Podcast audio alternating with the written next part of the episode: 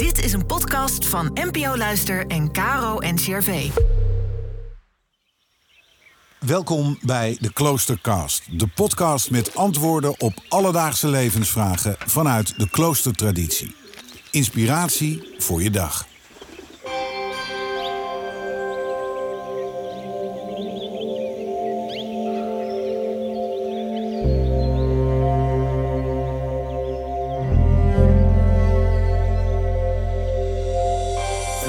Pater Hugo Beuker is kluizenaar. Hij woont al twintig jaar in zijn kluizenarij Onze Lieve Vrouwen van de Besloten Tuin in Warfhuizen. Hij zoekt een antwoord op de vraag: waarom zou je de dood in de ogen kijken?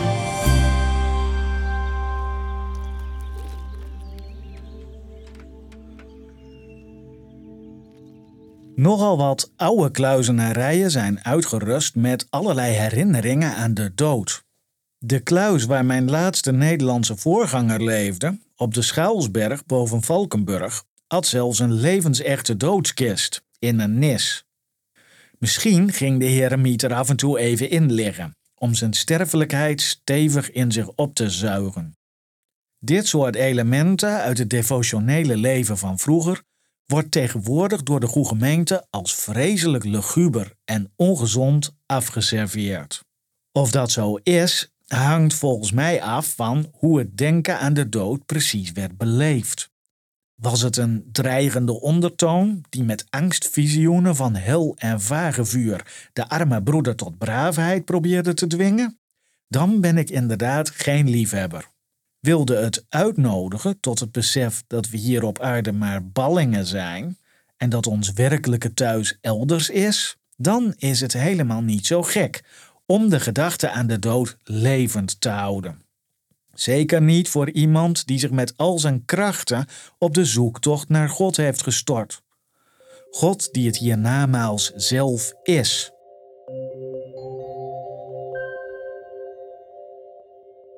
Juist ouderwetse kluisbroedertjes, die meestal als een soort veredelde kostertjes op afgelegen bedevaartkapellen passen, trappen nog alles in de val van het cocoonen. Ze geven al hun krachten aan het bouwen van een kleine hemel op aarde. Een kluizenaar en zijn kerkje zijn één. In zekere zin is dat ook hun taak. Hun heiligdommetje opladen tot een plaats waar de zoekende pelgrim ruimte vindt om God te ontmoeten. Waar alles met liefde is gepoetst, gewassen en met bloemen versierd.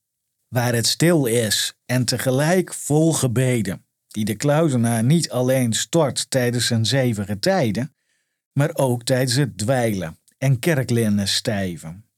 Dat doet hij goed, zolang hij maar beseft dat de deur die hij naar de hemel openhoudt, even breekbaar, relatief en tijdelijk is als hij zelf. God laat zich nu eenmaal niet opsluiten, en de levensgeesten ook niet. Dat is belangrijk om te beseffen, als de zorg voor het gebouw en de poedel de zorg voor de ziel in het gedrang dreigen te brengen. Toch nog even snel die laatste kandelaars poetsen, ook al is het tijd voor de vespers. Tijdens de metten het allervroegste gebed prakaseren over het beste middeltje om kattenpisvlekken uit het marmer van het koor te boenen. De stem jubelt wel verder, maar de geest zit dan in de bezemkast.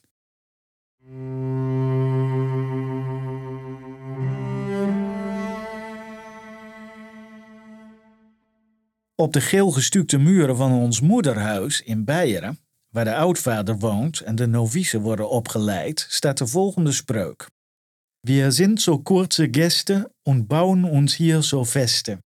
Da wo wir sollen ewig sein, da richten wir uns wenig ein.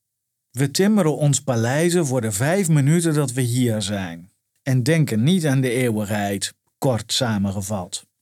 Stiekem is de dood voor elke serieuze kluizenaar de meest trouwe medebroeder, die afwisselend een bedreiging, een beproeving, een aansporing en zelfs een troost kan zijn.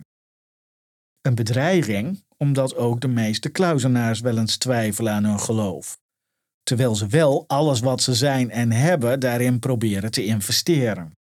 Een beproeving omdat de dood niet altijd het gezelligste gezelschap is hij is in feite tegennatuurlijk. Een doodgeboren teken van het kapot zijn van de schepping en geen sprankelend gezelschap, om het maar even diplomatiek uit te drukken. Toch is die ook een aansporing, zorgt die voor beweging. Omdat we door zijn aanwezigheid geen tijd hebben om werkelijk te lummelen. Hij maakt de tijd kostbaar en dwingt ons er wat van te maken. Ten slotte is die een troost. Achter hem gloort een nieuwe hemel en een nieuwe aarde. Heer, geef ons de eeuwige rust.